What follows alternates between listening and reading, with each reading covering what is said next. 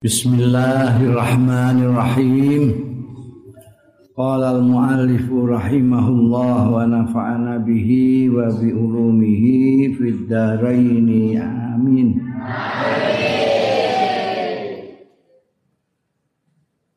Jazaul wud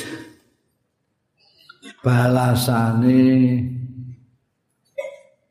tresno demen cinta lillahi marang Gusti Allah man balala sarfal wudi utawi sapaning wong sing memberikan mengorbankan yaman sarfal wudi pemberian kasih. Sakohu mongko ngombeni ing man sapa Allahu Gusti Allah sarfal karami ing pemberian kemurahan Misalu saliki utawi tepaning salik. Salik ana istilah lain murid salik itu orang yang berjalan menuju Allah. Iku kaman kaya wong yahfiru sing duduk ya man alal ma'i ing atase banyu kolilan sithik hatta yajida sehingga nemu ya man asa kebaing lubang. Payam mbak lahul mak mongko nyumber lahu kedue. Man mau apa al mau banyu ba'dat tolabi sakwise goleki ana ya ini goleki akhirnya duduk rono duduk rene lagi metu banyu nih ana bolongan metu banyu Yo salik itu begitu, mencarinya ya susah payah, mulai sumber, duduk sampai dapat lubang, sampai keluar mata air yang dicari itu. Wa misalul majdub utawi tepane sing majdub iku mau salik saiki majdub. Majdub itu sing ditarik oleh Gusti Allah dijadikan orang yang akan sampai ke Allah. Iku kaman kaya wong aroda kang ngarepake yaman almaa ing banyu.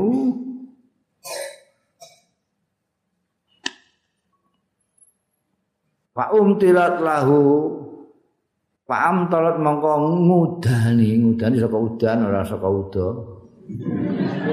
Fa amtalat mongko ngudani lahu marang man apa sahabatun mendung. Fa akhadha mongko ngalap ya man minda saking sahabat. Ma ing barang yahtaju sing butuhake ya man ilahi marang ma min ghairi ta'abin saking liyane kesel ora kesel ora apa. Iki nih sufi ada keyakinan seperti itu. Di luar sufi ada juga banyak yang menentang, nggak ada itu.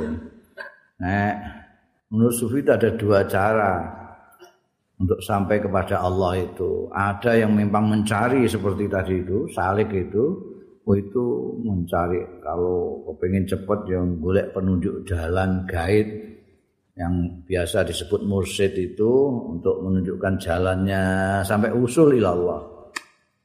Ada yang kedua dia tidak usah cari karena memang digendaki oleh Allah. Allah yang menjadikan dia untuk jalan sampai kepada Allah. Untuk yang gambar no Ibnu Athaillah sing salik kaya wong golek banyu iku mau sumber iku mau sing mazhub ora usah golek ana udan terus karek mangap ngono wae. Heeh. Ora kesel minggu iki taap. Ida ataita nafsaka kullama tastahi.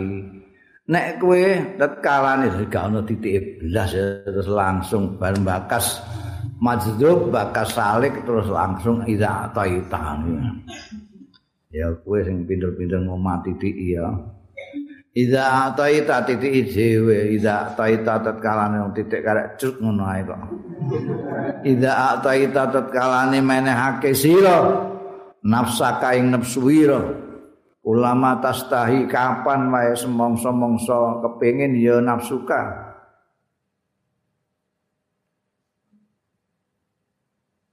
Wa tatlubuan jalo ya nafsuka asahawati yang ing kepinginan-kepinginan. Unta mongko ana sira iku kaman fi baitihi kaya wong fi baiti kang iku tetep ing dalem omahe man hayatun ula yusminuha nglemokake ya man wakani macem-macem ha ing hayah kula yaumin ing dalem saben dinane hatta taktulahu sehingga mateni ya hayat hu ing man. Oh, kowe nek nafsumu iku mbok ladeni terus mbok turuti terus kepengin iki mbok turuti kepengin nika mbok turuti. Ingin apa? Segalasnya kamu turuti terus. Iku kowe iku padha karo wong ngingoni ula. Wong ngingoni ula dilemokno pakani terus engko ndekne dicaplok. Karena nafsu ini nggak mbok turuti terus, dia bisa membunuhmu.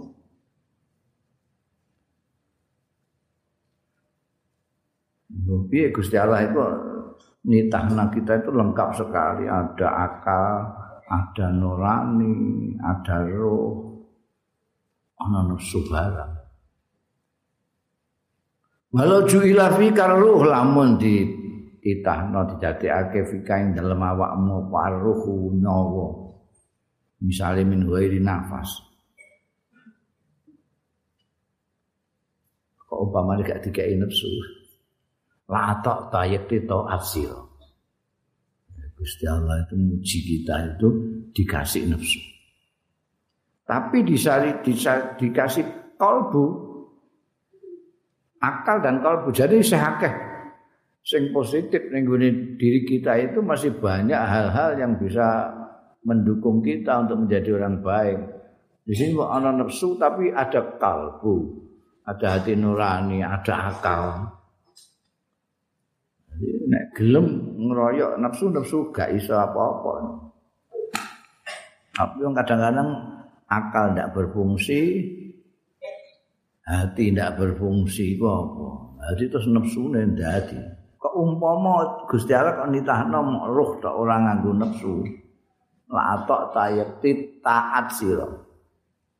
Wa ma'asai talan ora bakal maksiat sira. Nah nek sebalike wa wong kata-kata walau iku ya andai kata andai kata iku ya ora. Walau ju'ila lamun didadekake fika ing dalem sira apa nafsu nafsu min ghairuhin saking tanpa roh la asaita yakti duraka sira wa ma'ata lan ora taat sira. Ra iso taat blas kok umpamane nafsu tok ora duwe roh ora duwe kalbu. Palidzalika krana ara iki juila didadekake fika indam sira apa? Alkol buati. Iku iso mbok maca juila kalbune waca kalbu iso ja'ala kalbune waca kalba tergantung untuk maca. Nek muni ja'ala ndadekake sapa Allah fika ing dalam sira al qalba ing ati. Nek kowe muni juila fihi fika ing dalam sira apa al qalbu ati? Kowe nak jane maca kitab gunung terserah kowe ya. Waca kalbu ya kena kalba ya kena agar kowe ngerti dundungan ya. Nek mbok waca kalbu dundungane piye? Ya sembah pokoke um Iya walidalika ja'alani tahake sapa Allah fika ing dalam sira alqalba ing ati. Nek wis mbok waca ba ya kabeh engko mbok waca ba. Qalba wa ruha lan ruh wa nafsa lan nafsu wal hawa an hawa. No kan nahlati kaya dene apa jenenge? Nahlah iku wingi tawon. Iki yang ngono jalan dan nitahake sapa Allah fiha ing dalem nahla alasah untuk wal asala lan madu. Jadi walidali kata talawan maka karena iki tata lawan dadi eh bermacam-macam, bervariasi, bervariasi nahla. Fal asalu bibirhi wal asu biqahrihi. Fal asalu mutai madune iku bibiri kelawan kebagusane Allah. Ndadekno nahlah iku ana madu. Wal asaulan entuk biqahrihi kelawan maha wasisane Gusti Allah. Gusti Allah nyiptakake sesuatu itu gak kok. Apa jenenge? Mau meligi manusia dikai nafsu tak ya ora. Dikai kalbu tak ya ora. Tawon ora dikai madu tak ya ora. Dikai tawon ya dikai entuk. Dadi ana sing manfaati ana sing berbahaya. Bunga mawar ya ana warnane indah, ana baunya harum, tapi ana rine juga. Gitu. Manusa ya diparingi nafsu, tapi diparingi kalbu. Fa'aradallahu mongko ngesake sapa Allah ayuk sira dakwatan nafs yen hancurkan, memecahkan.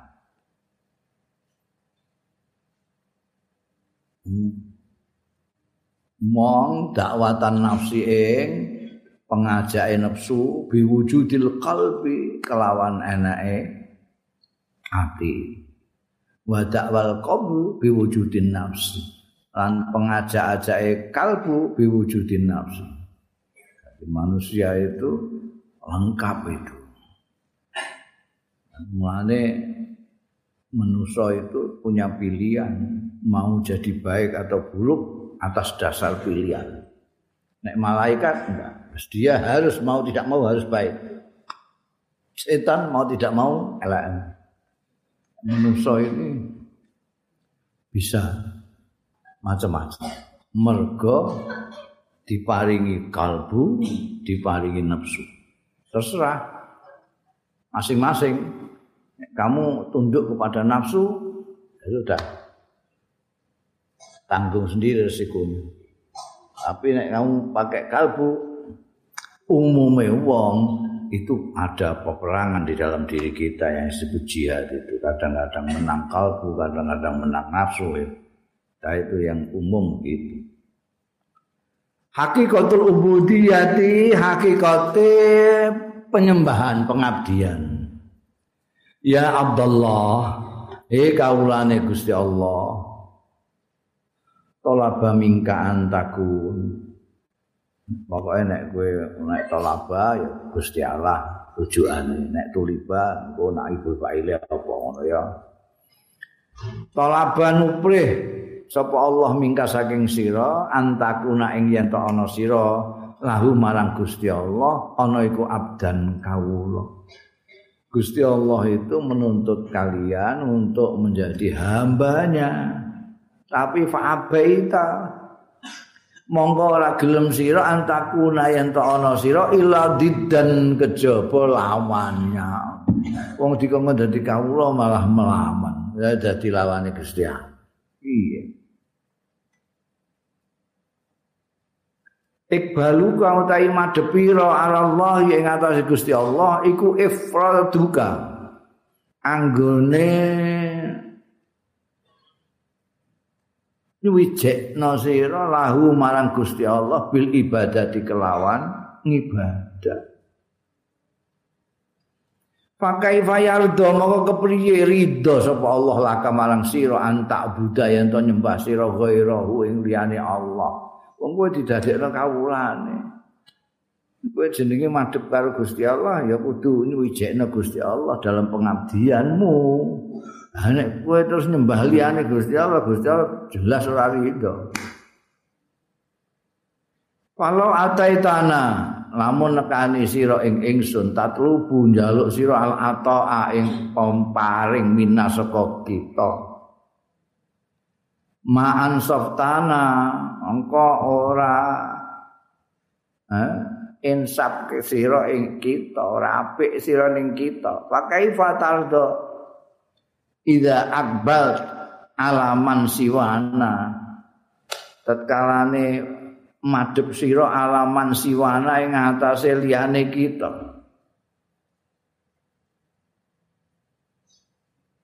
Titik itu karena titik udah gelenjer terus saya Allah. Kitab gak ana titik gak ana koma 12 terus saya kowe kepengin eh pengen tak kaya apa-apa. Eh tapi kowe gak apik karo aku. Sing mbok matur nuwuni malah liyane aku. Lah kowe gegeten iku iku piye? Kowe iku sing mbok jaluki aku sing mbok matur nuwuni kono iku piye? Karepmu piye? Iku nalar wis gak tok itu kelakuan ngono iki. Gusti Allah maringi segala macam ning ngene kowe. Kowe kok malah nyembah ning ngene sing ora-ora. Waqafat dunya fi tariqil akhirah.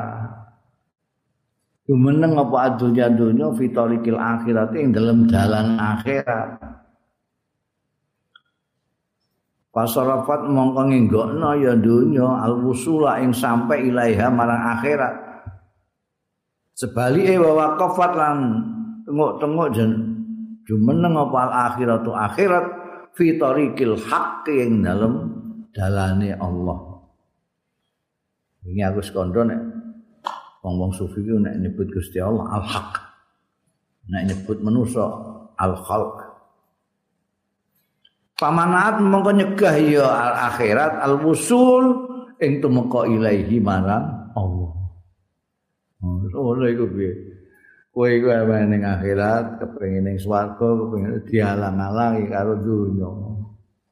Kowe mes sembayang mbok tunda-tunda mergo ning TV ana acara apik.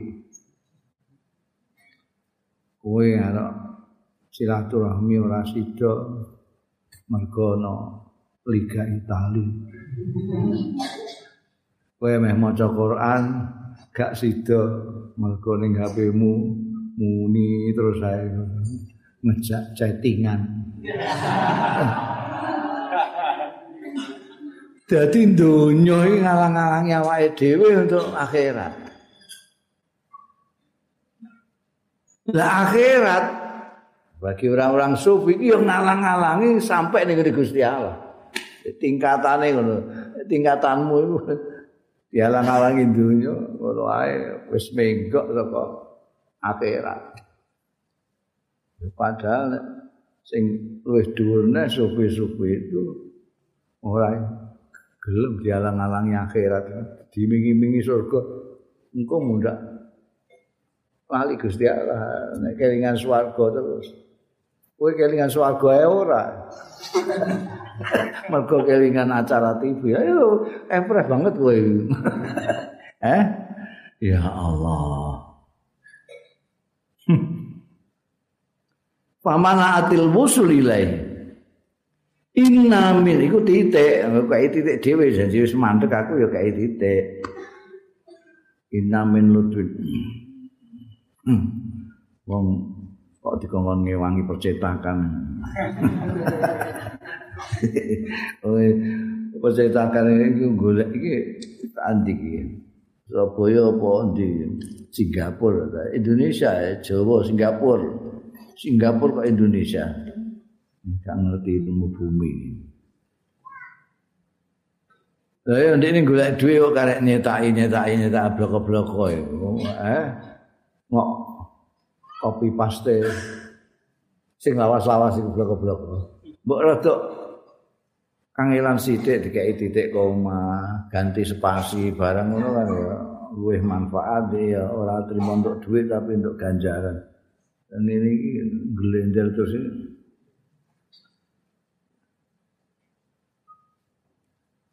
Enggak ngesono sing arep maca ini. Sing ngono kaya mentak ngantuk.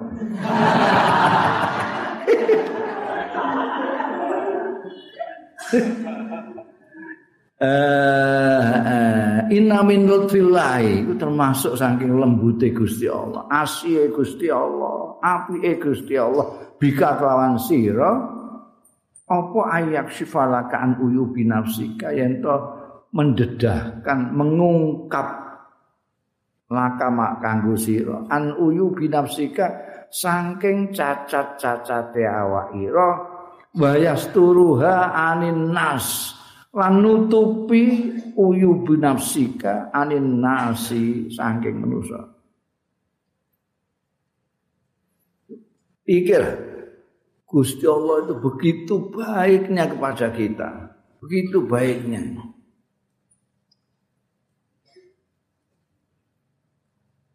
Kita ditunjukkan Allah cacat-cacat kita. Tapi ditutupi dari orang-orang lain. Kowe nek dhewean mbah sembayang tafakur, kowe dielingno dosa-dosamu. Kowe iku kok ngono iku piye to? kowe nek depan umum ketoke kok kaya wong alim-alimo nek dhewean kok binal ngono piye kowe dielingno Pak celah-celahmu ep-epmu oleh Allah taala tapi di depan umum di depan publik kamu ditutupi bayangkan kalau Allah tidak menutupi ep-epnya orang wes ndak ana sing mbok undang kiai mbok undang ustaz mbok undang kawan wetok kabeh asline ngono mamane. Itu semua ditutupi karo Gusti Allah taala. Cacatmu ditutupi karo Gusti Allah taala, dari sing elek-elek gak ono sing roh. Dibuka, ora ono sing kekancan karo kowe. Ya Allah, ya apike Gusti antara lain itu. Idza ataitat dunya wa mana tidak uktita ad-dunya. Tatkala diparingi sira ad-dunya ing dunya. Wa mana talan moh sira asyukra ing nyukuri via ing dalem dunya. Pahya mongko utawi dunya iku mihnatun merupakan coba fi hakika ing dalem akhir kowe diparingi donya, diparingi segala macam. Diberi kekayaan segala macam, tapi kan nggak mau syukur pada Allah. Ini berarti dunia itu adalah cobaan bagi kamu. Mesti ini gue dikei dunia, ya kudu nyukuri. Ya Allah, anjenengan paringi, Masya Allah. Nek ra iso ya nyuwun supaya iso nyukuri. Allahumma inni ala syukrika gitu. Kadang-kadang orang syukur itu memang harus menyadari adanya anugerah. Kalau orang tidak menyadari adanya anugerah pada dia, maka dia tidak syukur. akeh sing ora nyukuri ambekan. Kenapa? Orang bernapas itu dikiranya tidak nikmat kok, tidak anugerah. Anugerah tapi tidak banyak yang sadar. Karena itu tidak ada yang syukur. Takokno wong sing sesak napas sesak napas itu. Gimana? Ambekan nikmat. Wah, nikmat sekali ya Allah. Kowe nguyuh carcir-carcir Ora tahu syukur karena kamu tidak sadar kalau itu anugerah dari Allah. Takkan tanyakan orang-orang yang kena prostat itu. Berapa juta dia keluarkan agar bisa cir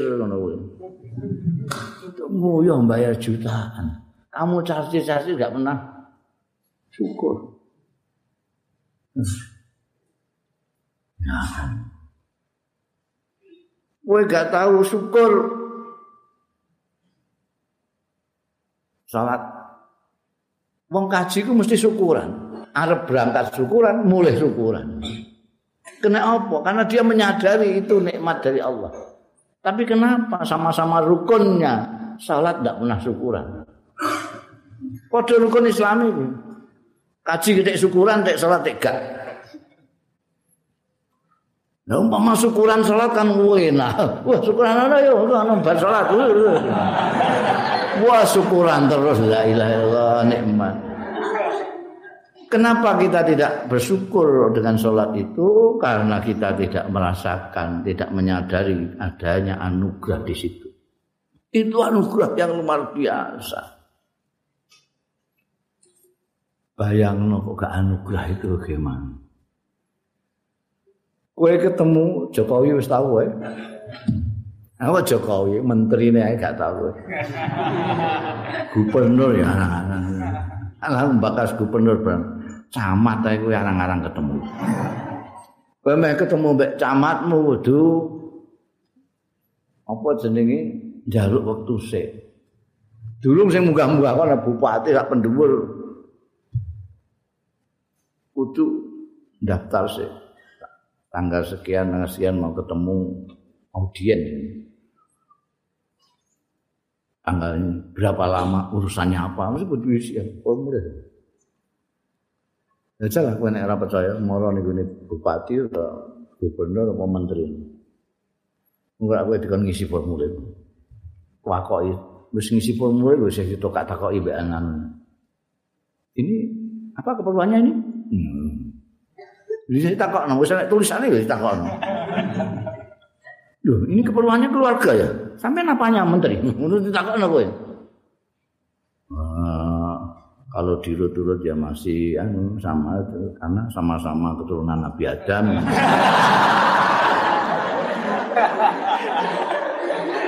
Jajal jawab ngono langsung diusir, diundang diundang satpam ini keluarkan ini. Eh ganggu kerjaan orang, mesti ngono. Biar zaman nomku itu aku pengen ketemu menteriku setiap hari satu bulan. Setiap hari. Untungnya nalika itu apa jenis gedung NU itu kok open bar.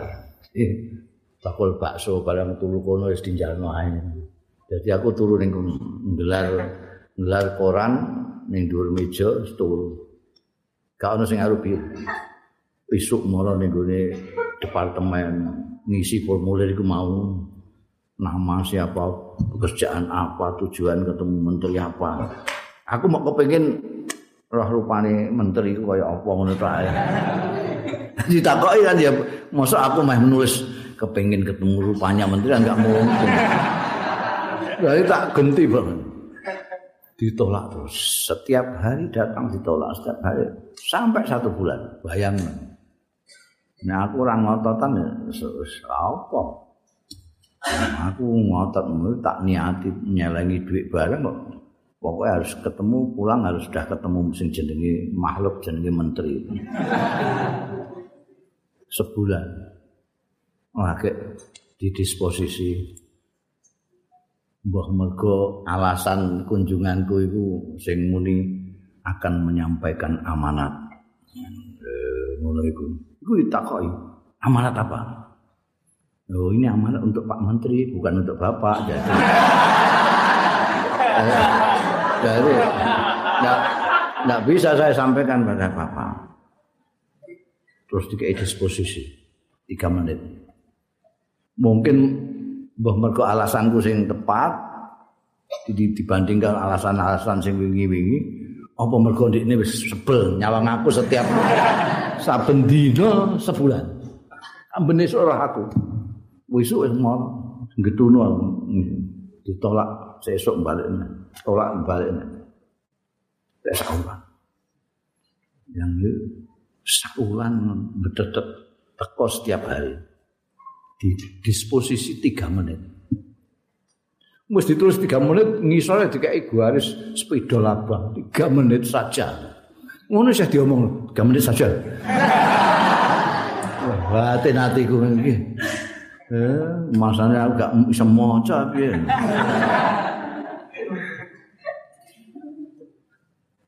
Masa terus terus tunggu sebentar. Tunggu sebentar dia mlebu mahno formulir sing tak isi iki dilebokno menteri kono. Barang menteri wis bel silakan tiga menit saja. Iya. Iya iya. Wong aku mau kepengin roh sing jenenge menteri tok kakean telung menit iku.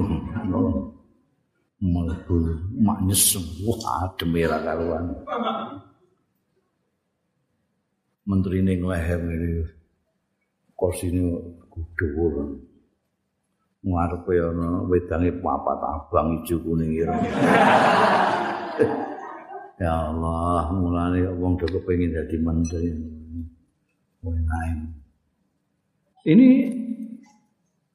ah, katanya mau menyampaikan amanat. Iya pak. Amanat dari siapa? Apa amanatnya? Ini amanat dari kawan-kawan dari Rembang. Iya apa amanatnya? Kirim salam sama bapak. Mulu menterinya yo serius. Waalaikumsalam. Uh, lalu apa keperluannya? Loh itu tadi keperluan saya. Masa aku bukan ngaku hanya kepingin roh lupa.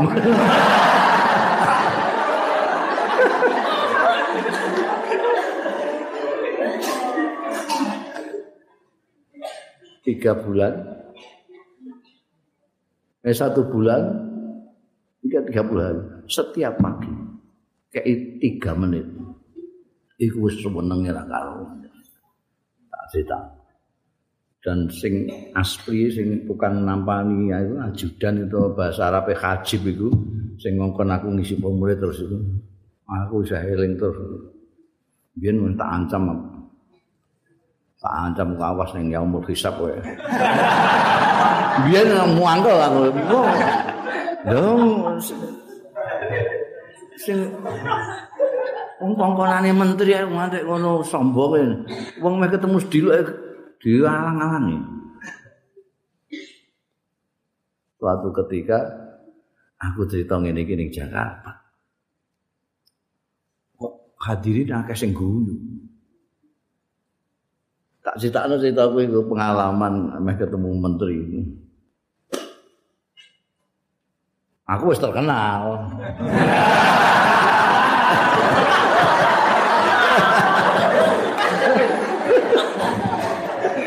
Ana wis ceramah rono rene aku ceramah. Nah tak critakno iku ceramah iki, tak critakno cerita iki. Wong kok dengguyu iki gak lucu kok guyu. Guyune kok diempet-empet ngono. Barang aku wis bar ceramah ana wong langsung ngambung dengkulku. Maaf Gus, itu saya dulu itu. Masya Allah, lalu dengguyu. Wes aku terus ilang ngono dendamku terus ilang. Wes tak maafno kowe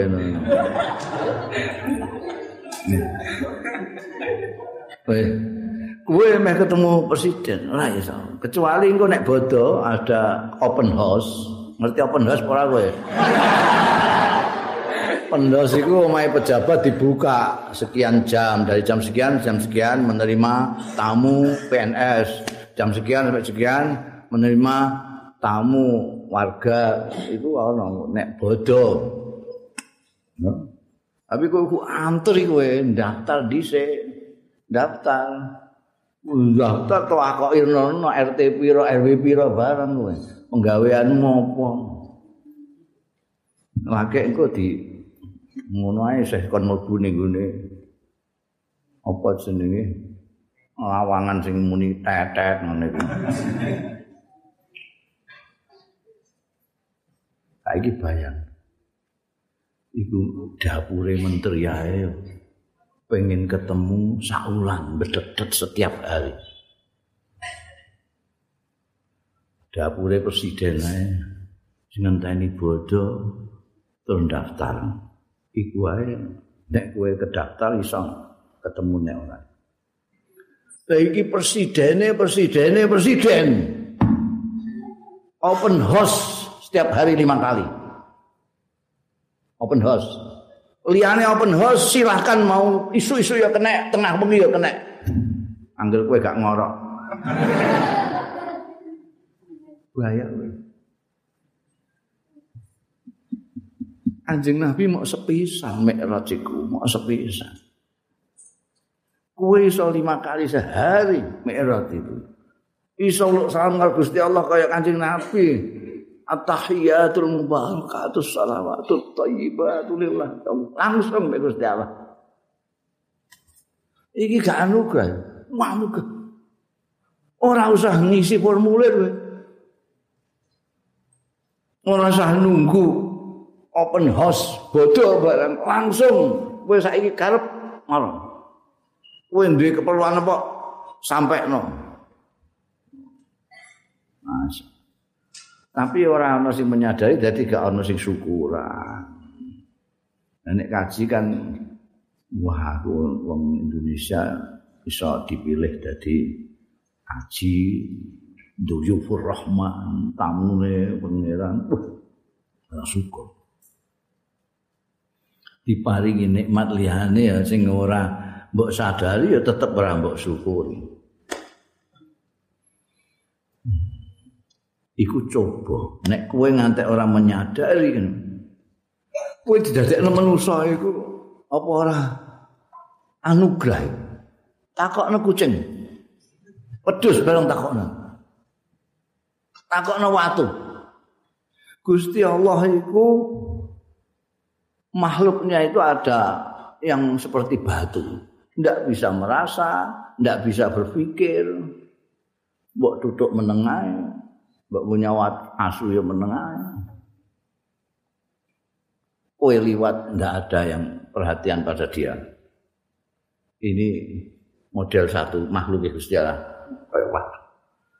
Ono sing kayak tumbuh-tumbuhan. Itu klopo, pelem sampai turute tumbuh-tumbuhan itu bisa merasa, bisa berpikir itu masa murah. Cuma tidak bisa mengekspresikan tidak bisa mengekspresikan perasaannya, tidak bisa mengekspresikan pikirannya dan perasaannya. Iki sing gawe anggo contoh iku. Biyen ning arep omahku iku ana klopo loro, tangguh percobaan. Ketika saya membaca tentang kehidupan tumbuh-tumbuhan iso berpikir iso masa itu saya eksperimen nandur klopo loro. Wetan siji, kulon siji. Iku dagele saya sing kulon. Sing sebelah timur, kene iki, iku angger aku lewat tak lus-lus. Kadang-kadang tak omongi, piye kabare ndak. sing kulon tak njane blas, aku lewat kono barang demek ae ora tak ajuh tak ajuh pokoke aku begitu tak jajab aja tak jarak. Apa yang terjadi? Aku percaya mbek buku sing tak waca iku. Iku sing wetan iku wah yang masyaallah. Dompolan-dompolan gak karu-karuan. Sing kulon blas blulu air metu. Kuwi tak critakno anak bojoku terus anak bojoku janji liwat ngulon dilus-lus sing kulon iku. Masyaallah. Iku sing kulon ya wakeh tenan. Ngantek tak tegur mergo kuwatir santri ketiban. Saking wong paling gede-gede. Dia bisa marah. Dina iki tok gak apa-apa. Iku sing kulon kono kulone neh iku ana wit pelem. Wit pelem itu warisan sing nandur abah Bisri Mustafa nandur. Iku pelem ora nganggo musim-musiman. Angger wis bar panen kembang. Anen kembang. Terus ngono ora ana ana ngenteni musim barang kan terus. Terus ana santri bangun ana iku panggung omah kula niku lho. Mun natap kowe. Meh negor grawani karo aku. Terus dikrowaki. Wite dikrowaki ku delok niku nek krowakan. Dikrowaki ngene wite iki. Dadi bangunane ning kene wite dikrowaki. Pelem urip belas orang kembangnya ora, pentil ora. Buas tamu santri wis makno pelemku purik gitu ngono. Ayo saiki dilus-lus ya ngono. Ya rumah sing apik. Sampai berbulan-bulan lagi ini lagi gelem Dia bisa merasa, bisa pikir tapi tidak bisa ekspresi. Oleh makhluk yang berikutnya itu kewan. Binatang itu bisa merasa, bisa berpikir, tapi ya bisa mengekspresikan pikiran dan perasaannya, tapi tidak sempurna. Kowe nek nyembelih wedhus, cempe mbok sembelih. Mbok eh mbek mbek mbek iku nangisian. Tapi kowe gak paham. Mergo ini nangis ngguyu ya mbek. yang tidak bisa mengekspresikan hati perbedaannya sedih, hembean, gembira itu apa dia tidak bisa. Lah kita ini diciptakan Allah punya pikiran, bisa berpikir, bisa merasa, bisa mengekspresikan pikiran dan perasaannya sampai detail. Gambar no kerinduan. Karena kue belajar bahasa orang Semakin kosakatamu banyak, semakin bisa kamu mengekspresikan perasaan segala macam. Ini enggak syukur ora nyukuri mergo ora rumangsa gak gelem nakokno ning ngene wedhus barang iku. Takokno ning wedhus. Enak andi dus kowe mbek aku nak sampean sampean boten ati sembelih.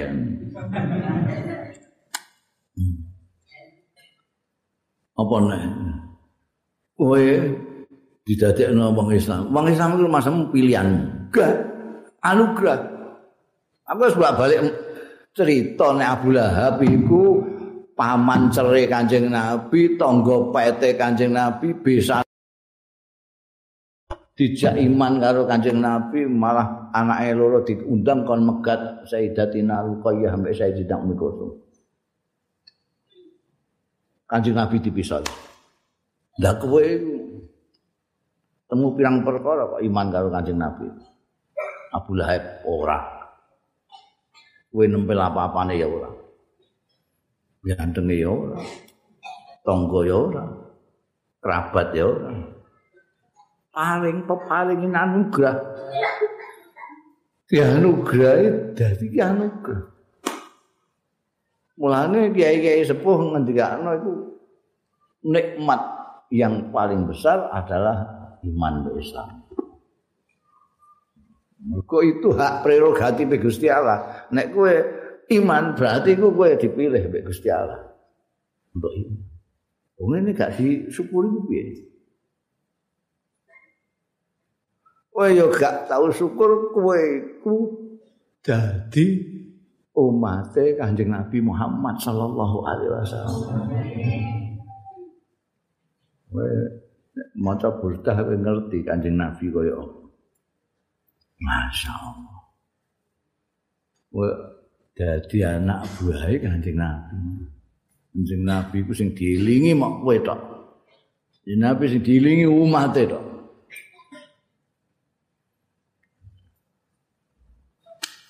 Umat salah di ngapura, umat dosa dijaluk nang ngapura. Kanjeng Nabi. Perintahe ora ana sing ngabot. Kowe goleki perintahe Kanjeng Nabi sing ngabot. Gak ono sing pengikut mbah nabi ne sapa mbah ngerti lah. Iku ono sing ngongkon iku sing abut-abut. Dadi nek luwih abut luwih akeh ganjarane iku ono nek kanjeng nabi kan gak. Sing paling apik iku sing lumrahe manusa ngono tok ae jadi kowe lumrah manusa terus paling apik nek kowe model-model niru ketek barang wis anu Oh enak. Ono agama iku sing luwih berat, luwih akeh ganjarane. Dadi nek turu ning gone lemah, ganjarane luwih gedhe timbangane ning kloso. Turu ning kloso. Ganjarane luwih akeh timbangane turu kasuk. Turu ning dhuwur paling akeh ganjarane. Iku ana sing ngono. Nek nek gini Kanjeng Nabi Muhammad gak semakin kamu itu lumrah manusia semakin baik. Gue sebagai lumrah manusia orang mangan sedino. Orang mangan sedino. Terus diolehi mangan. Nek kue lumrah manusia jawab, kue sedino orang mangan. Terus diolehi mangan. Kue ndang mangan pongkongko. Eh? Mesti nggak segera makan. Mau dari sehari nggak makan kok. Dia bani untuk makan. Mesti ndang gakinan. Lah kowe ndang gakinan buka iku untuk bonus ganjaran takjil putu. Mereka sesuai kalau lumrah manusia. Kowe gak oleh mangan sedina. Iku kowe enake mangan saiki apa engko jam 12 apa engko ae nek cedak-cedak subuh. Ya cedak subuh ben sing antuk ning weteng. Lha ngono iku lumrahe manusa, milih engko. Nek kowe milih cedak-cedak subuh untuk bonus sunah takhir sahur. Sing ora tau ngaji muni Tahu ya ini bangun sarapan aku.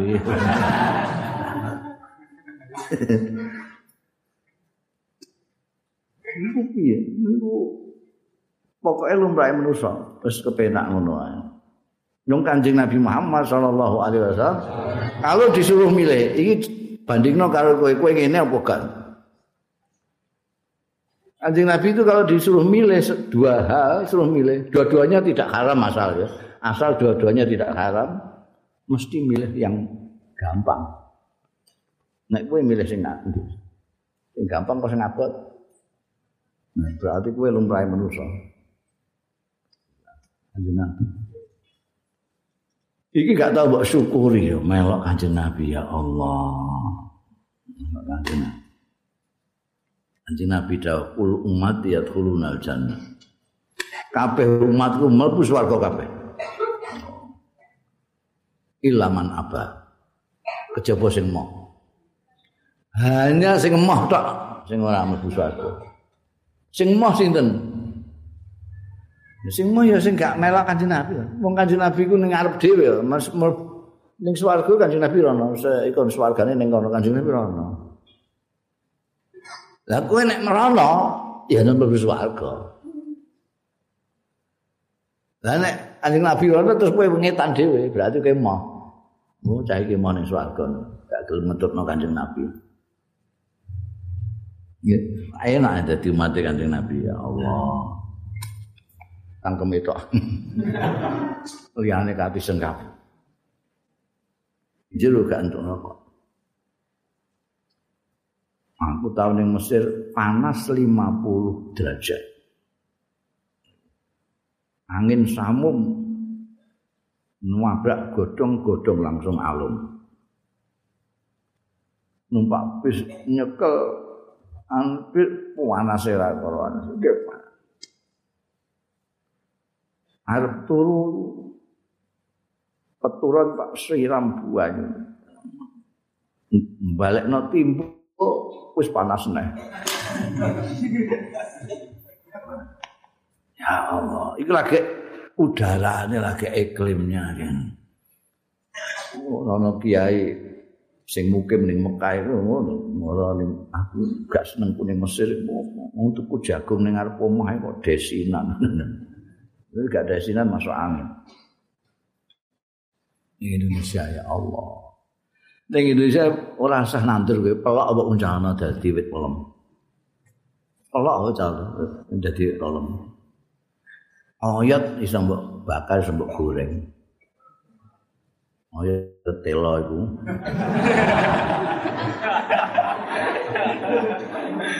Segoro kowe golek obor mara ning segala macam oi wak dem-dempo ono apa. Ora bayar kowe. Nyerok ngono. Masya Allah. ngene gak disuku. biyen nganti ana Grand Syekh Ashar Syekh Saltut Allah yarham Syekh Saltut itu berkunjung di Indonesia dijak ning ngene kebun raya Bogor. Wong Mesir iku cek seh cek wong biasa iku lebay. Lebay mubalaghah iku momen. Guneman iku nyondro kekasih ngono ya. Iki kok ada bulan kok jalan-jalan ngono ngono. Mulai lebay. Bulan jalan-jalan kok maksudnya kekasih itu indah kayak bulan. Bulan kok jalan-jalan. Iki yang ngono. Komentare wah. Ini jangan-jangan nanti rakyat Indonesia di surga nanti tidak kaget ini, tidak kaget.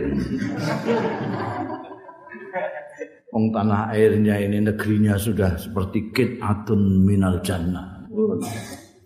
Kit atun minal jannah. Lho ngene yo gak disyukuri. Bukti ini gak disyukuri, ora dijogom, malah lebih dirusak. Ora nyukuri paring nyukuri iku njaga peparinge Gusti Allah. Ora kok alhamdulillah kaya pembawa acara itu mari kita syukuri dengan bersama-sama membaca alhamdulillah. menjaga menjaga Islammu, menjaga manutmu ning Kanjeng Rasul sallallahu alaihi wasallam. Indonesia. Jembok rusak. Kowe kepengin ning ndi jae? Kowe gak cocok ning Indonesia kono, ning ndi jae? Arep ndi? Sebut namanya. Ning ngene barat iku ameh hambekan biasa itu piknik sih. Ada wisata ke tempat untuk bernapas yang baik. Mereka ning kono wis ora iso bernapas dengan baik. terlalu banyak apa jenis karbon dioksida semua gak ngerti aku pokoknya sing kok kena ngantek dibatasi ngumpak apa? Oh alih bijining dino la abdiru aku kula niku mboten saged ala antagibaan ing atase ento kisah-kisah mawon jenengan ani saking kula kula jenengan tinggal tinggal mawon. Boten kiyat kula. Eh, ana kiai ditinggal-tinggal terus mek kiai ini nyaine terus matur boten kuat jenengan tindakan terus niku. Kula kalih sinten mosok ngeloni guling terus mau. Nek jomblo ngeloni guling nggih pantes. Mung kula gadah bojo kok ngeloni guling. Wala tasdaqil bi ghairihi.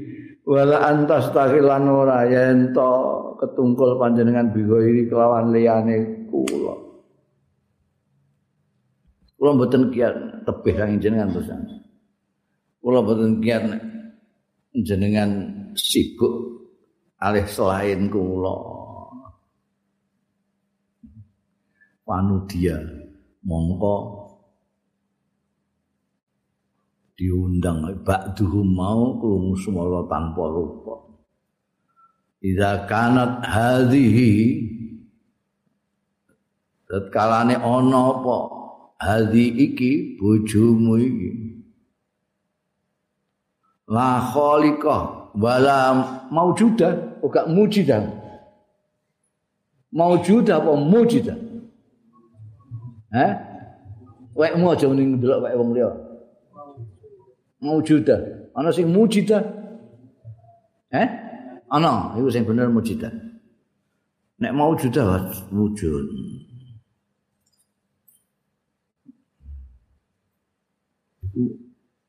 Rasa gak iso di gak iso dibodoni. Khaliqah kok ambek majudah iku piye? Khaliqah iku sing nitake. Maujudah sing wujud. Nek mujidah sing wujudno. Jadi orang bener sing mau juda itu salah cetak. Sing bener mujidah orang nganggo wau. Nek iki ae bojomu, ndikne ora nitahno apa-apa, ora mujidah, ora nganakno apa-apa. Wahia tuhibbu antajma qalba. Wahia utawi bojomu kuwi zauja, tuhibbu demen ya zauja antajma qalba. Yen to gemblengno sira qalbaka ing atira alaiha ing atase zauja Pakaifa la uhibbu? Mongko kepriye ora demen sapa ingsun? Ana ya ingsun. Antajma yen to gemblengno sira qalbaka ing atira alaiha ing atase ingsun. Bojomu sing ora nitahno kowe ora nganakno kowe ae. Tinggal sediluk ngono ae ora kuat. Laat diru ala antaghiba anni wis ora apa ora kuat nek kowe ketungkul ning gone selain dia nah, saiki bayangno aku sing nitahno awakmu sing nyiptakno awakmu aku. Lah kowe kok iso ora gemblengno atimu ning gone aku. Kowe mbek bojomu ae kaya ngono.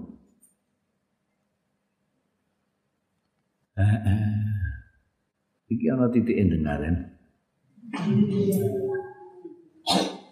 Kuntu marotan. Iki dawuh Syekh Ibnu Athaillah. kuntu ana sapa ingsun maratan suatu kali. Inda syekh Abil Abbas ana ing ngasane Syekh Abil Abbas Al Mursi radhiyallahu taala anhu. Ini guru beliau. Aku sowan guruku iku Syekh Abil Abbas Al Mursi fakultu fi nafsi mongko ngomong sapa ingsun fi nafsi ing dalem awak dhewe ingsun graita ning ngene atiku iki. Ning ati batin ae sowan kiyaine ambek batin. Binafsi dan mawa ingsun asyaan ing pira-pira perkara Pakola syekhu mongko dawuh sapa Syekh Abdul Abbas. Dawe bi ing kanatin nafsu laka fasna biha. Nek pancen ana apa nafsu nafsu laka kedue sira pasna mongko gawe sira biya kelawan nafsu masih ta ing barang kang karep sira. Walan tastati ala nura bakal mampu sira dalika ing mengkono-mengkono mau. Kowe kepengin apa? Ra iso akeh dibatin ngene kok pirsa. Pirsa guru Tumaku Allah mongko kaya-kaya dawuh sapa Syekh Abdul Abbas Al-Mursi an nafsu kal mar'ah al mar'ah apa kal mir'ah kal mir'ah mbose mbok mir'ah iku kaca pengilon mar'ah iku wong wedok. Nek kepengin roh mir'ah apa mar'ah ya diwaca sik ae engko iku cocok ora nek dimaknani pengilon cocok ora dimaknani wedok. Kal marati manane wedok sik. An nafsu ta yang wedok iku eh kok omong wedok? An nafsu tawi nafsu iku kal marati kaya wong wedok ulama aksar ta khisomaha. Mongko lamun ngekeh-ngekehake sira khisomaha ing nukari mar'a ketoke mar'a iki khisom itu tukaran. Aksar mongko ngekeh-ngekehke ya mar'ah iso maka ing nukari awakmu kowe ganti bojo dadi gak roh kowe. Ini di bojo iku nek mbok tukari. Ndekne ya nukari gak gelem ndekne ngalah mbok tukari terus melayu gak. Madoni ndekne wong wedok. Wong wedok ngene lah wong lanang ya ngono.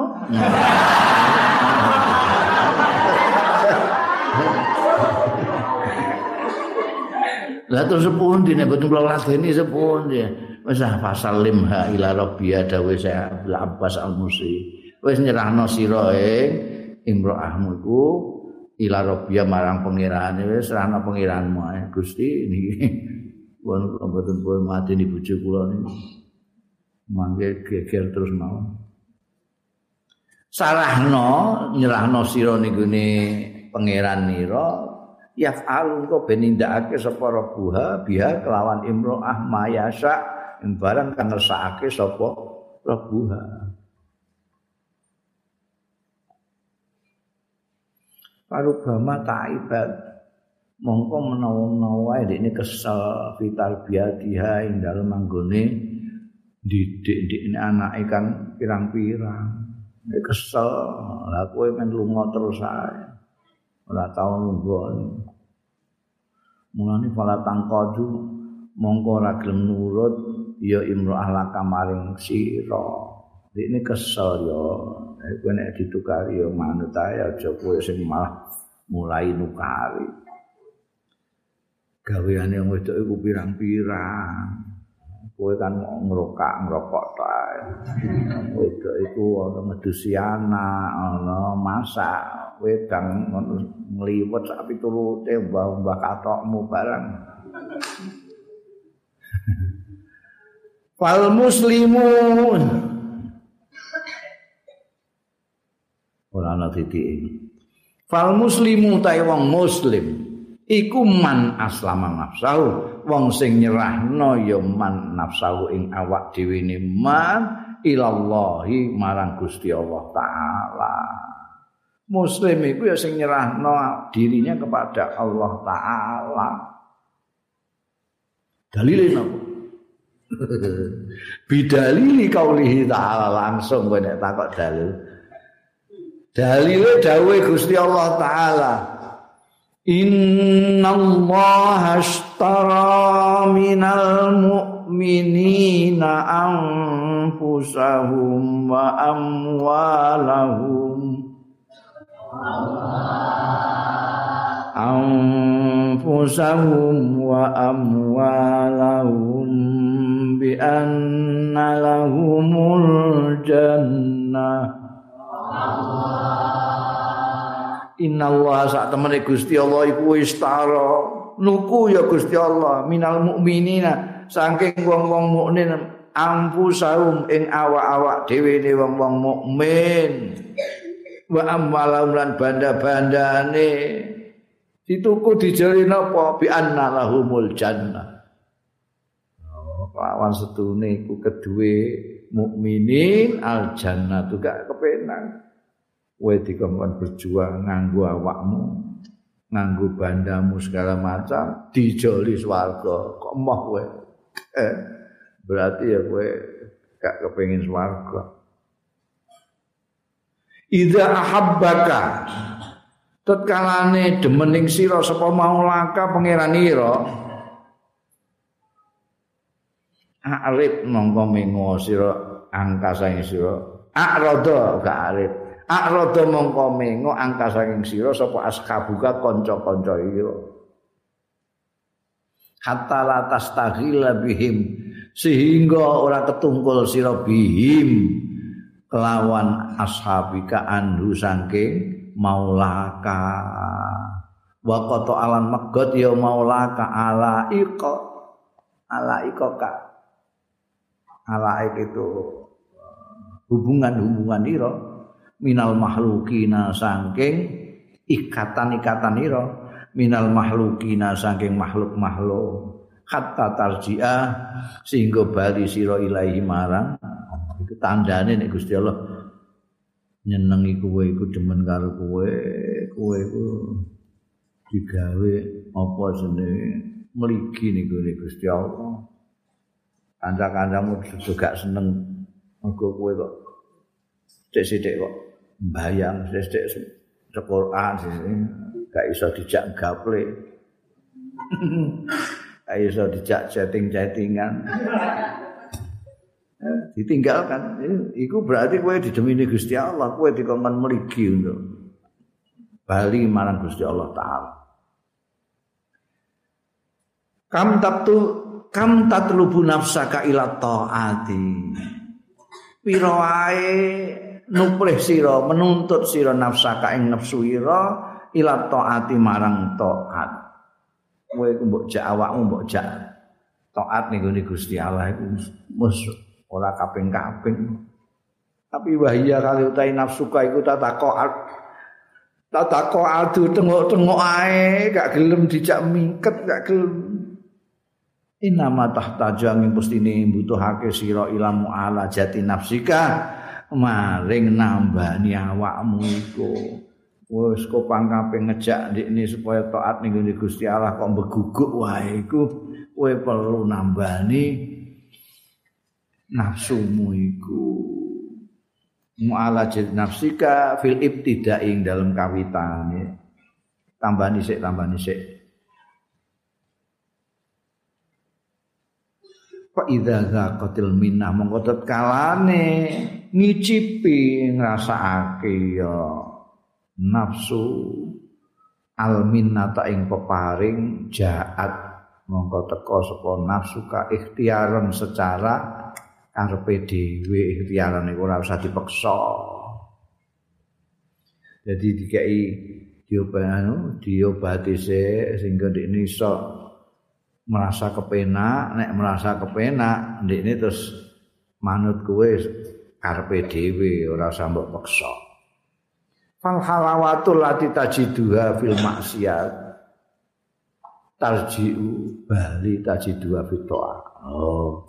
Mongko te kemanisan alati tajiduha kang nemu ya nafsu kaha ing lati halawah fil maksiat ing dalem maksiat tarjiu bali iya. Nafsuka tajiduha nemu sapa nafsuka ha ing halawa fit taati ing dalem taat. Asale ndekne iku merasa nikmat itu karo maksiat. Tapi nek mbok obati mbok gladi suwe-suwe kok ndekne merasa nikmat kalau dijak taat kosok wang mau Al imanu kasajaratil khadra iman kuwi kaya wit sing ijo royo-royo. Misalul imani utai tepaning iman fil qalbi ing dalem ati iku kasajarati kaya dene wit wit-witan al khadra sing ijo. Fa idza kasurat alaiha mongko tetkalane akeh alaiha ing atase sajarah apa al maasi maksiat-maksiat kakean maksiat. Kalbu iku kaya wit-witan ijo ngono kae, tapi nek kakean maksiat ya bisa garing ya sajarah. Wa wa faragholan bar rampung apa imdaduha perkembangane sajarah paman mongko sapane wong ahabba sing demen yoman. Al qiyamah ing jumenengi melaksanakan bil wajibati lan pira-pira kewajiban fal yatruk mongko supaya tinggal yoman al muharramat ing pira-pira sing diharamake. Kowe nek kepengin iso sregep ngelakoni kewajiban-kewajiban, tinggalkan keharaman-keharaman. Otomatis kowe langsung semangat untuk berbuat kewajiban-kewajiban. Wa man tarakal makruhat sapaning wong sing ninggalake ya man al makruhat ing pira-pira sing dimekruhke nek mau muharramat iki makruh sing dimekruhno mbok tinggalno uina mongko ditulungi dibantu ya mantaroka ala tahsilil khairat ing atase ngasilake kebagusan-kebagusan. Nek sing mekruh-mekruh mbok tinggalno kowe dibantu Gusti Allah untuk mendapatkan sesuatu kebaikan-kebaikan. Wa man tarakal mubahat tingkatan-tingkatane wong kawula iku sing kaya kowe ngene sing mbok tinggalno sing haram-haram tok. Malah kadang-kadang sing haram barang waplok. Ana sing tingkatane ora kok haram tok sing makruh-makruh ya ditinggal. Ana neh sing waman tarokal mubahat sing sapa wonge tinggal ya man al mubahat ing pira-pira sing mubah. Mangan iku rak mubah, mbok tinggal. Ora gelem mangan.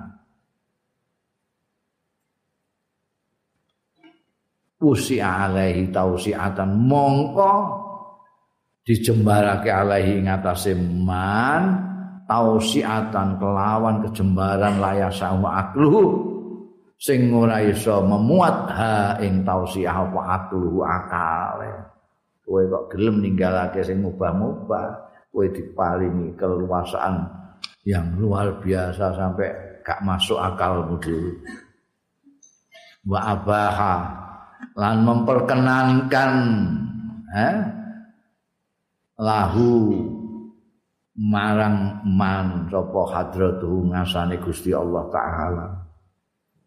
Diparengno kowe. Ning gone ngasane Gusti Allah taala aku tinggal mubah kan dia mau kepeksa mergo Ramadan awan-awan ini ora karepmu dhewe jajal nek liyane Ramadan kowe gelem poso. Kenapa gelem nek Ramadan? Akeh kancane. Ini gak ada kancane gelem.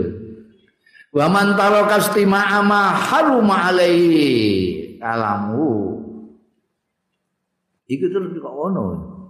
Ono terus apa gak itu? Wa man taraka istima'a ma haruma alaihi terus e piye? Eh? Kalamu. Ora iku nek padha karo aku. Eh? Nah, iku sing bener.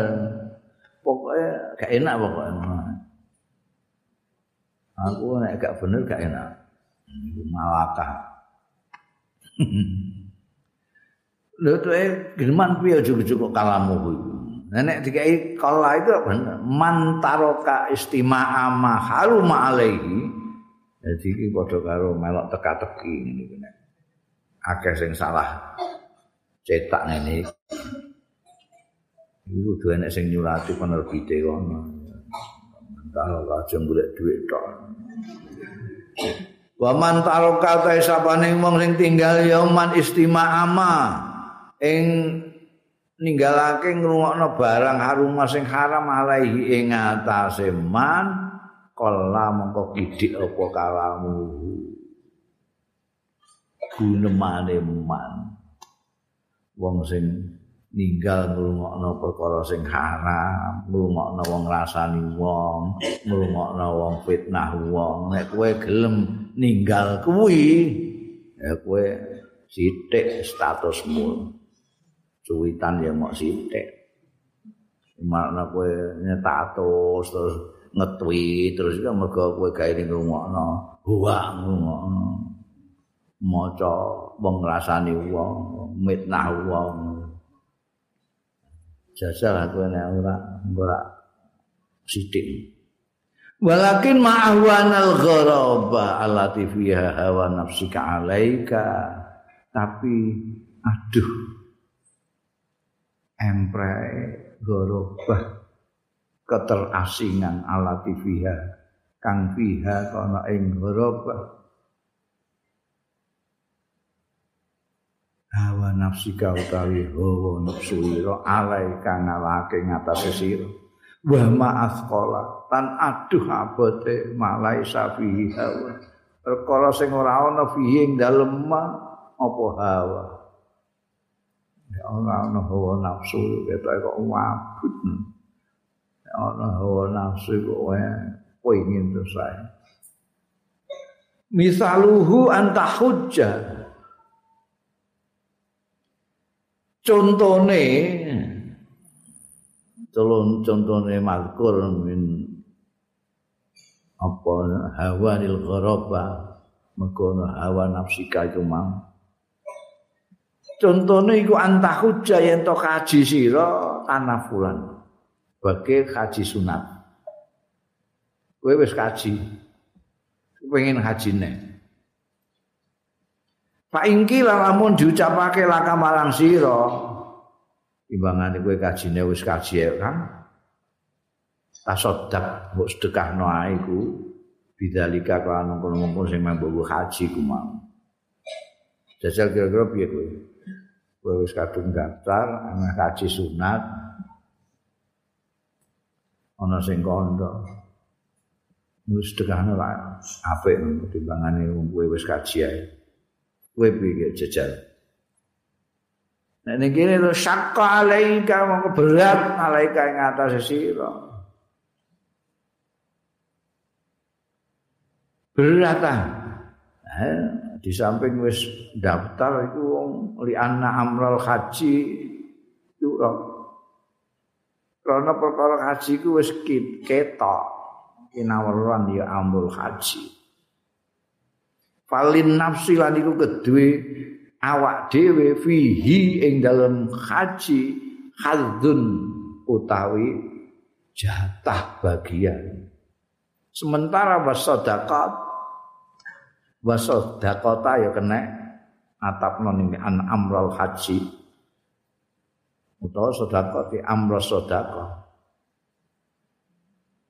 iku tutwa kelempit ya sedekah watun salan di lupakan ya sedekah. Nek apa wong sing arep haji neh utawa umrah neh saiki yang dibatasi kotane jadi sing bolak-balik ya umrah iku. Kenapa wong sing arep umrah neh iku terus dikandani kowe mbok timbangane kowe umrah neh wong wis bolak-balik umrah ngono mbok disedekahno mbek dulur-dulurmu sing ora duwe sing butuh bantuan iku. Berat mesti ini keberatan. Kena apa?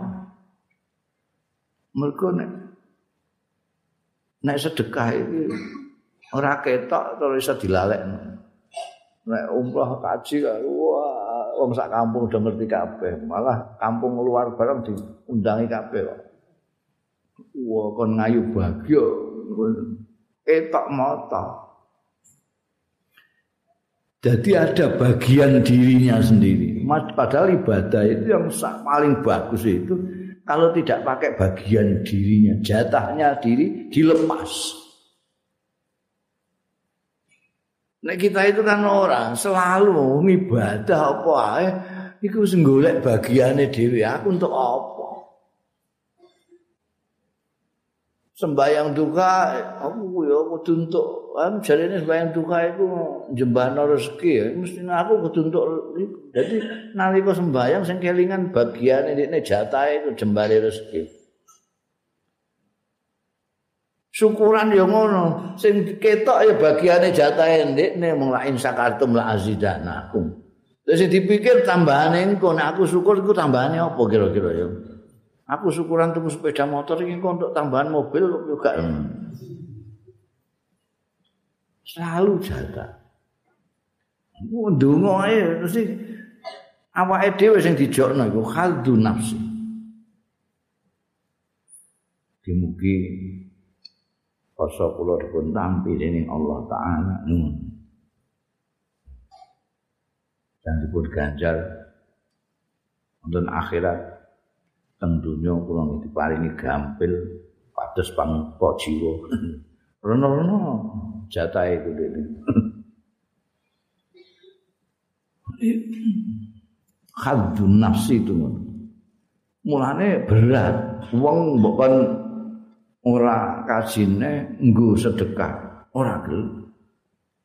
Ana sedekah gak ketok ter terlupakan nek kaji ketok wong diadani barang soal. Hmm. jadi itu yang membuat berat oh apa-apa. Khaldun nafsi. Bagiannya dirinya itu kalau sodakoh raketok wagadari kadal suka. Pan semono penderasanmu penderasanmu belajarmu al ilma ing ilmu li ghairillahi kanggo liyane Gusti Allah. Fa innaka mongko sedune sira tadrusul lail belajar sira alaila ing bengi. Kullahu sekabehane bengi. Wa nafsuka thayyibah bidzalik lan awak ira nafsu ira iku thayyibatun apik seneng bidzalika kelawan mengkono-mengkono untuk mundres sewengi bedhetekno seneng. Pak Ida kila kowe lagi asik-asike belajar tengah malam Fa idza qila mongko tetkalane diucapake lakam maring sira sholli billaili rakaatain salat si ahram rakaatain jam Soli sembayang sira bilaili lan bengi rakaat rong rakaat. Kuwi diomongi ngono iku sakko dalika alaika. Berat apa dalika mengkono-mengkono dikongkon salat rong rakaat mau berat alaika ing atase sira. Kene apa? Li anna rakaataini krana sedune rong rakaat iku mok baina kantarane sira wa bainallahi lan antarane Gusti Allah. Laisa fihi ma ora ana fihi ma ing dalem rakaatain lin nafsi bag falai laisa fiha laisa fihi ma ora ana fihi ma ing dalem rakaatain lin nafsi kedue nafsu apa haldun bagian. Nafsumu gak entuk jatah sembayang iku wong sembayang iku mu antarane kowe karo Gusti Allah Nek terus kan iso macem-macem iku untuk bagian ilmu kowe dhewe. Eh ana sing ngelem-ngelem kowe barang kanca-kancamu ya Allah surga pecah iku wal qiraatu wadasulin nafsi fihi mahallun. Sedangkan maca wadarsulan belajar lin nafsi ku kedue nafsu fihi main dalam kira ahlan dars haldun utawi bagian. Yaitu musyarakatun linnas. Bebarengan linnasi kanggo manusa akeh. Pali aji dalika mongko krana iki khufifa dientengake apa alaiha ing atase nafas. Luwih enteng kowe sinau bareng-bareng wong tinimbangane kowe sembayang rong rakaat mergo nek sembahyang rong rakaat tengah wengi iku mau antarane dirimu dan Allah tok kowe gak entuk bagian nek deres maca kok iku bareng karo wong-wong. Jadi lebih enteng. Kala ba'duhum ngendika apa sapa sementara orang-orang sufi. Takut nafsi. Salah seorang sufi mengatakan takut nafsi ngebet sapa ingsun kepengin pengin banget rindu sapa ingsun la nafsi takut ngebet apa nafsi nafsuku ila zawaji maring rapi Oh, kaya kowe kuwi. Nafsuku iki ngebet suatu ketika kepengin kawin aku. Allah. Semene gedhe ini kok isih jomblo. Wes kuwingine nemen aku iku meh kawin iku. Dadak paro itu mongko ningali sapa ingsun al mihraba ing pengimaman. Ning pengimaman kodin syakka teman-teman insyakka meliwek apa? Ngene apa meliwat. Iki pengimaman terus duduk ngono iku apa? Pecah apa apa hmm? Apa? Sigar ya sigar ya kena lah. Pokoknya pecah jadi loro ngono hmm. pengimaman kok meletek jadi loro kadin syakka Wadai kono wa kharaja minhu lan metu minhu saka mihrab sing sigar iku mau. Apa nalun sandal min dzababin saking emas muka lalin sing ditretes beluk-luki kelawan mutiara. Ono sandal emas bertreteskan mutiara fakilali mongko dingendikake limarang ingsun. Iki ya swara tanpa rupa. Lagi ngebet-ngebete kepengin kawin. Jadi lagi itikaf mau bayang sunat pas bayang sunat kok rasanya kok kepengin kawin. Dadak petok pengimaman minyak metu sandal emas bertatahkan mutiara. Terus ana swara tanpa rupa. Fakilali hadza nakluha.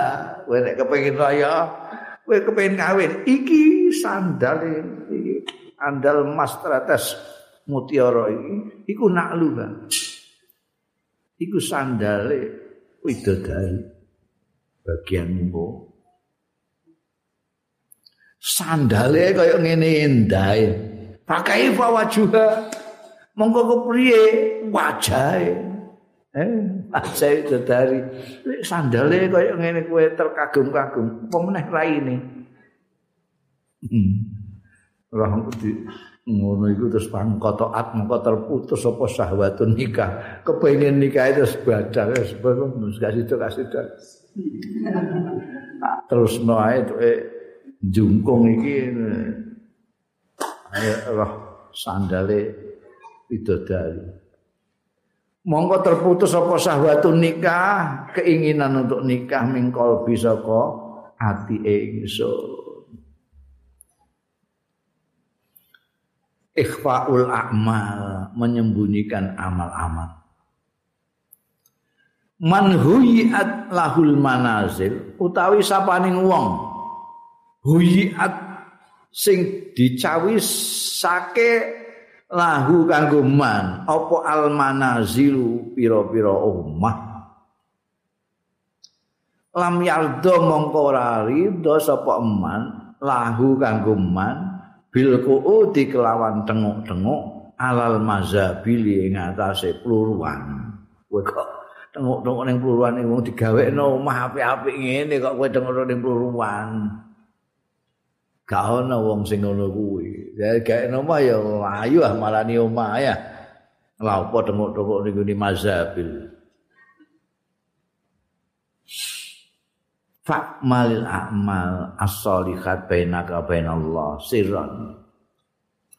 Fa'mal mongko ngamal sira al-a'mal as-solihati ing amal-amal sing saleh bainaka antarane awakmu tok wa bainallahi lan antarane Gusti Allah sirran secara rahasia. Rasa kandak-kandak wong itu antara kamu dengan Allah saja.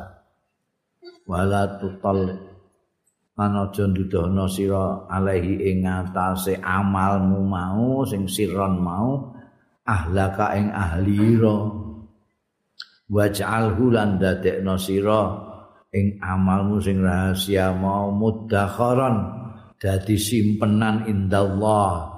Ana ing ngasane Gusti Allah tajidhu mongko nemu sira ing amal mau yaumal kiamat ana ing dina kiamat. Kuning kiamat rahasia kowe ngamal dhewean keluargamu aja ana sing roh. Wis rahasia iku rahasia antaramu dan Allah dengan Tuhan ayo jadi celengan. Hari kiamat kamu temukan fa innan nafsa lahat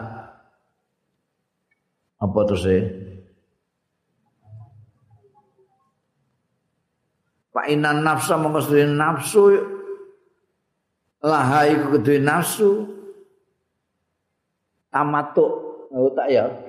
Utawi kepenak ngrasa enak bidzikril amal kelawan nutul amal.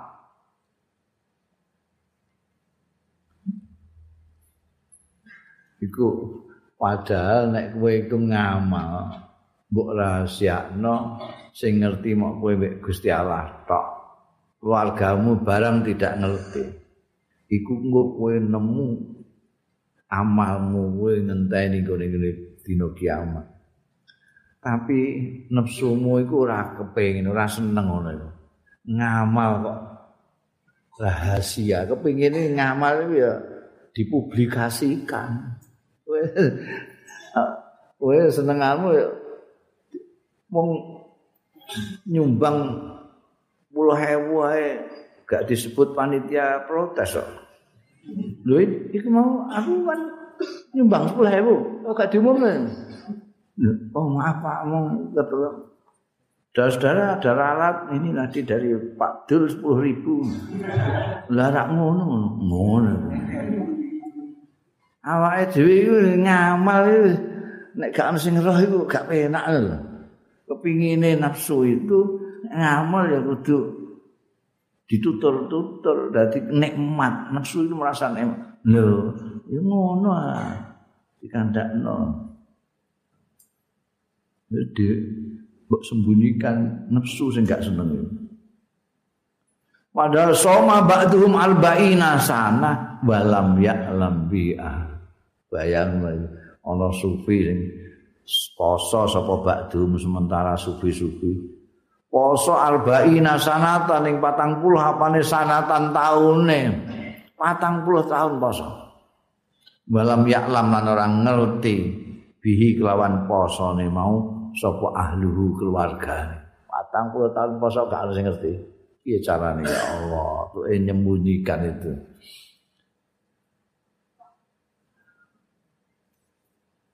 Latun fik ojo nasaruk no siro, ojo siro amfasaka ing napas-napas sira fi ghairi taatillah ing dalem liyane naati Gusti Allah. Wala tandur lan aja ningali sira ila sugirin nafasi maring cilike nafas. Mbok sepelekno mung sak napas wae kok. Wis sak nafas ae kok eman-eman nek mbok ngguliyane taat ning Gusti Allah. Bal undur aja mbok empreh nomor go cilike napas. Bal undur balik ning alono sira ila miqdarihi maring nilaine nafas mau. Wa ila malan maring barang yuktillah sing paring sapa Allah Gusti Allah al abda ing kawula kadang-kadang dalam satu napas itu orang yang asalnya tidak Islam bisa masuk Islam. Dalam satu napas itu orang bisa membaca la ilaha illallah. Sebelumnya tidak ngaku itu nilainya besar napas itu. Anggap ya fal amfas jawahir. Mongko tai napas-napas itu jawahir. Permata-permata wahal ra'aita? Ana to ningali sira akadan ing seseorang yarmi buang melemparkan jawahir jauharatan ing permata alam masbalatin ing ngatasé peluruan kowe tau tumon ana wong buak permata ning ngene peluruan napasmu itu permata. Jadi harus kamu hargai. Apa tuslihu zahiruka wa tufsidu batinaka mongko ana to ngapikno sira matutno sira zahiraka ing jabamu wa tufsidulan ngrusak sira batinaka ing jeroanmu hmm. pencitraan. Jaim. Iku. Jabamu mbok tata masyaallah kaya yo yo jerone rusak Apa kowe kepengin ngono kuwi? Terus sapa sing mbok pameri? Pameri sapa? Gusti Allah sing mbok pameri. Citraan-citraan ngono iku. Ora gawok blas. Ini delok jeroan. Gayane dituwata sedemikian rupa. Dia apik-apik njabane pencitraan ngantek watuke barang diatur sing kira-kira berwibawa. Watuk berwibawa iku kaya apa? Wakeane ditata dene tapi jeruan rusak nggo apa? Pamisaluka mengko tepoira nek kowe mok ngapiki lahirmu tok citramu tok jerumu elek jemur jerumu rusak Pamisaluka mengko tepoira iku kal majdum kaya wong sing lara lepra ora bisa. Nganggo sapa mazlum tiaban jadidatan pakaian sing anyar gres kinclong kinclong pakaian.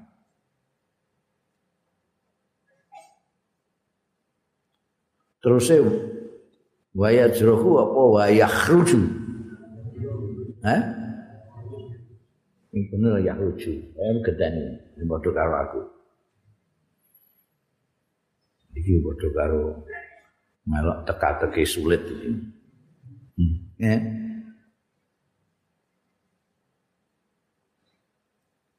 Iku nek gak bawa cara kalimat ora ngerti bedane apa kok yahruju mbek yajrahu nganggo pakaian manyar gres tapi wayah ruju minhu fil batin metu minhu saking mazdum fil batin ing jerone.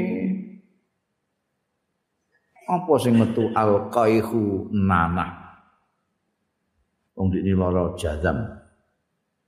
Metu nanah jero pakaiane wanyar gres apik. Setrikanan jerone nanah wasodi tulan sodi padha nanae tapi nek koeh iku nanah tok nek sodi campur darah. Itu wong Arab itu eh, bahasane sugih banget jadi nanah itu kan ana sing kuning-kuning mangkak rada ijo ngono kae. Gilani wong Tapi ana sing ana abang-abang iku sodit. Iku ndlewer ning jero. Nek kowe macak pencitraan tapi jeromu ora mbok apiki rusak. Iku padha karo iku mau. Wong pakaiane anyar jerone nanah tok dleweran. Fa anta tuslihu ma yang dulu ilaihin nas mongko utahe sira iku tusliku bagusake matotake sira maing barang. Yang dulu kang ningali ilaihi marang ma sapa annasu wong akeh? Kamu hanya mematutkan dirimu untuk yang dilihat oleh publik. Mbok atur nek kira-kira meh menghadapi orang banyak, menghadapi publik, mbok atur penampilanmu, serbanmu, jubahmu, jasmu, segala macam kamu atur demikian rupa supaya tampak betul-betul wibawa kaya orang hebat. Wala tusliku tapi wala tuslihu ora matutake sira qalbaka ing kalbumu alladzi huwa li rabbika kang huwa alladzi wa kang wa ya ladzi li rabbika kanggo pangeran sing justru kanggo pangeranmu ora mbok patutake ku piye? Eh terus kowe entuk apa?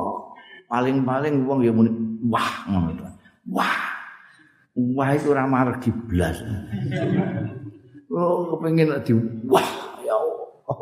Masya Allah Ustaz Masya Allah hmm. Oh diragati Nganggu serban hijau barang Allah Jika-jika watuwe diatur Nganggu ritme Watuwe nganggu ritme Lha ngono nek jerone diresiki, jerone ya didandani ngono ora masalah. Jerone gak diresiki. Iku. Sing jero iki anggo Gusti Allah. Gusti Allah engko sing ganjar iki Gusti Allah. Sing maringi Gusti Allah. Lah wong iku ora kaya apa, paling wah itu mau.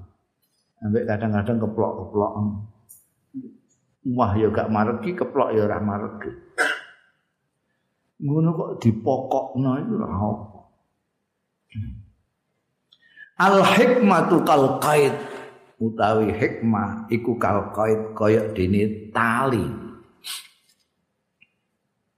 al hikmatu ta hikmah mutiara hikmah itu wisdom apa wisdom itu apa cara jawane apa aku wong asing jadi misalnya bahasa Tidak bahasa Arab, ya bahasa asing. Wisdom. Sesuatu yang nilai yang apa? Al hikmatu kal qaid. Wis hikmah ngono lho wis. Al hikmatu kal qaid kaya dene tali. Ing qayyat biha lamun naleni sira biya kelawan hikmah nafsaka ing nafsu ira imtanaat jadi mesti mau bergembur ya ditaleni karo hikmah gak cocok tapi wa in romaitaha lamun melempar kamu buang sira ha ing hikmah apa terus ya ba apa ya tasab babat apa tasayyabat hmm? sing ba mesti keliru sing bener tasayyabat nek ana oh Ame nak ngerti mawon. Rasane ra kepenak.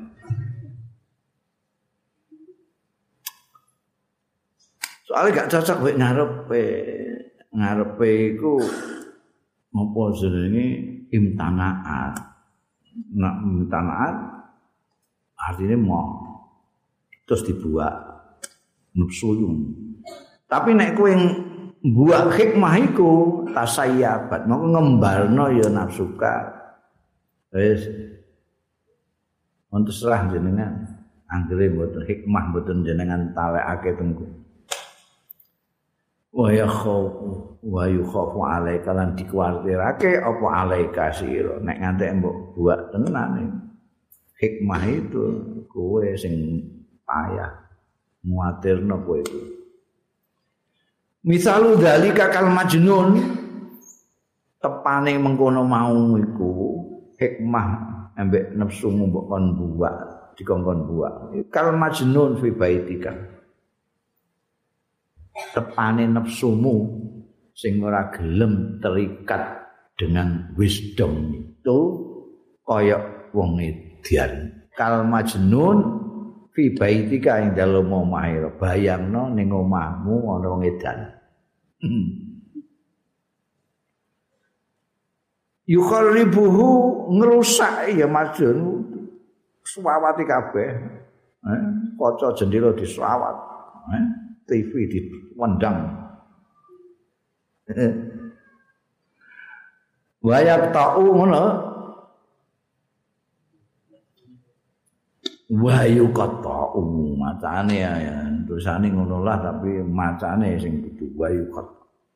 Wayu kati ulang ngetok-ngetok asli apa ing pakaian. Lambimu disuweki kabeh, diketok-ketok wong edan, dapakno. Omahmu dirusak, pakaianmu diketok-ketok.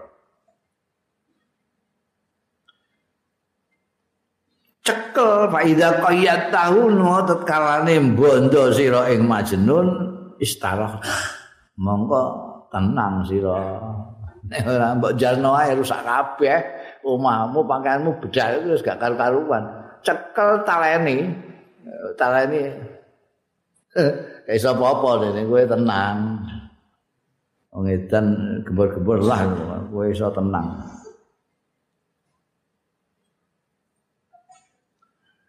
Wa idza talahtal qaid nalikane buak sira al qaida ing tanpa mau hikmah iku mau tak mbok buak. Wa kharaj talan metu sira mbok taline mbok buak terus mbok tinggal metu padararu mongko utahe bahaya iku baken tetep rumah mbok tinggal metu terus omahmu gak dirusak neh. Wong gak bondo kok. Nafsu itu juga gitu seperti itu. Nafsu itu ditarani embek hikmah gak gelem dek ini tapi nek mbok jarno hikmah mbok buat ya kaya wong edan iku mau ngrusak dandanan. Ya ayuha syekh sing diomongi ora kowe tapi wong tua-tua. Ya ayu syekh wong tuwa qaf afnaita. Teman-teman ngentekno sampean umroh ka ing umur sampean. Pas tadrik mongko nututana sira ma ing barang fataka sing ngepoti ma ing sira. Kot labistal bayat sampean pun putih kabeh ngono nganggo al bayat ing putih wa huwa utai bayat iku asyik uwan mabluk putih Padahal wal bayatu tai putih iku layah milu ora kuat nanggung adana saing kotor. Nek akean ireng kotor seminggu rong minggu ya ketara. Tapi nek pakaian putih lagi kena beduk sithik wis ketok kotore. Hmm. Misalul qalbi kal mirati apa marati. Misalul qalbi tepane ati ku kalmir ati kaya dene pengilon cermin wa misalun nafsi utai tepaning nafsu iku kan nafasi asarap angel ngene ya Allah Gusti ora ana titik komane ora ana harokate bentuke padha. Hmm. Ngene kok iso maca iku rada aneh. Wong sing ora ngaji, ora ngaji mesti aneh. Iso maca ya. Nek sing ngaji ya biasa ngemitan. Wa misalun nafsi kan nafs kan nafasi.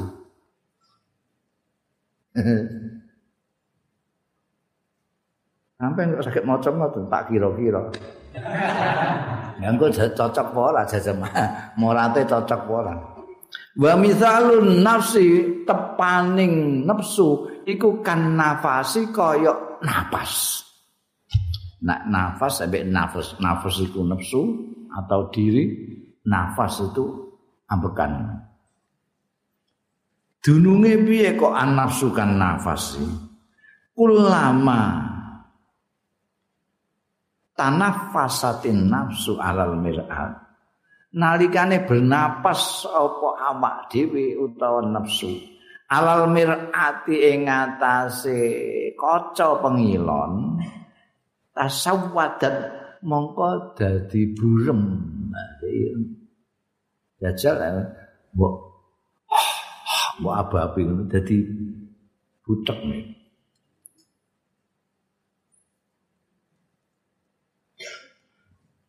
ngono kuwi tepane. Qalbul fajir utayatine wong sing lacut kamir atil ajus. Atine wong sing lacut iku kamir atil ajus kaya kaca pengilane wong wedok tuwek nenek-nenek. Alati daufat sing lemah apa himatuha kemauane lati ajus. Antajwa yen to ngilapake ya lati ajus. Ha ing mirat wa tanzulan ningali ya ajus fiha ing dalem mirat kaca pengilon apa nek atine wong sing lacut sing kurang ajar iku kaya pengilon wae nenek-nenek ora tau diresiki ora tau dilapi wah lha apa aku wis tuwek kinclongo ya rupaku ya ngene ae tetep. Lah nek kaca pengilane gadis-gadis dilapi terus ini. Aku ketok elek iki kacane no sing anu iki. Gosak-gosok kaca iku wis dibuanting. Lumangsane kacane sing salah. Lah nek wis dadi nenek-nenek iki lha apa? Kok dadak nelapi kaca barang iki lha apa? mbok lapono kaya apa? Gila apa kaya apa? Rupamu ya tetep ngono iku. Ngedodor kabeh. Didelak-delok. Iku atine wong sing lacut ing fajr kaya ngono jadi gak dirumati ora tau kinclong blas ora tau dilapi wa qalbul arifi utawi atine wong sing makrifat kamir atil arus. Oh. Nek wong sing arif billah iku kacane kacane nganten. Ngilang gitu ya Allah. Digawa ngantek tekan kakus pengilon iki ki wedake wis ana sing mlerek ora? Lipstike isih. Apa wis ndlewer? Itu selalu zaman kotor sithik gosok nek perlu ijo nang kaca anyar. Kula yaumin saben dina tanduru ningali ya harus eh?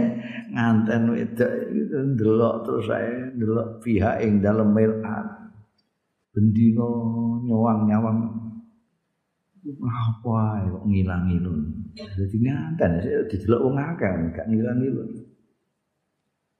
Fala tazalu mongko ora gingsing-gingsir ya mirat maskulatan iku digilapno. Oh, hmm.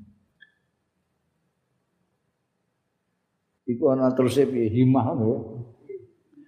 Jadi maskulata himaten ngono. Iku titike keliru niku niku. Titike dosok ning gurine. Iki wis kacau kabeh kita ngene. Ayo padha karo digarap karo karo kitab iki digarap. Titike bareng di awake ning kene. Kaya ana bal maskulatan kok maskulata himatin ku piye? Titike iki lho cebloke ning kono. Mestine sing bebas maskulatan titik. Para tazalu maskulatan titik ora kok himatan titik. Ngangkelno wong.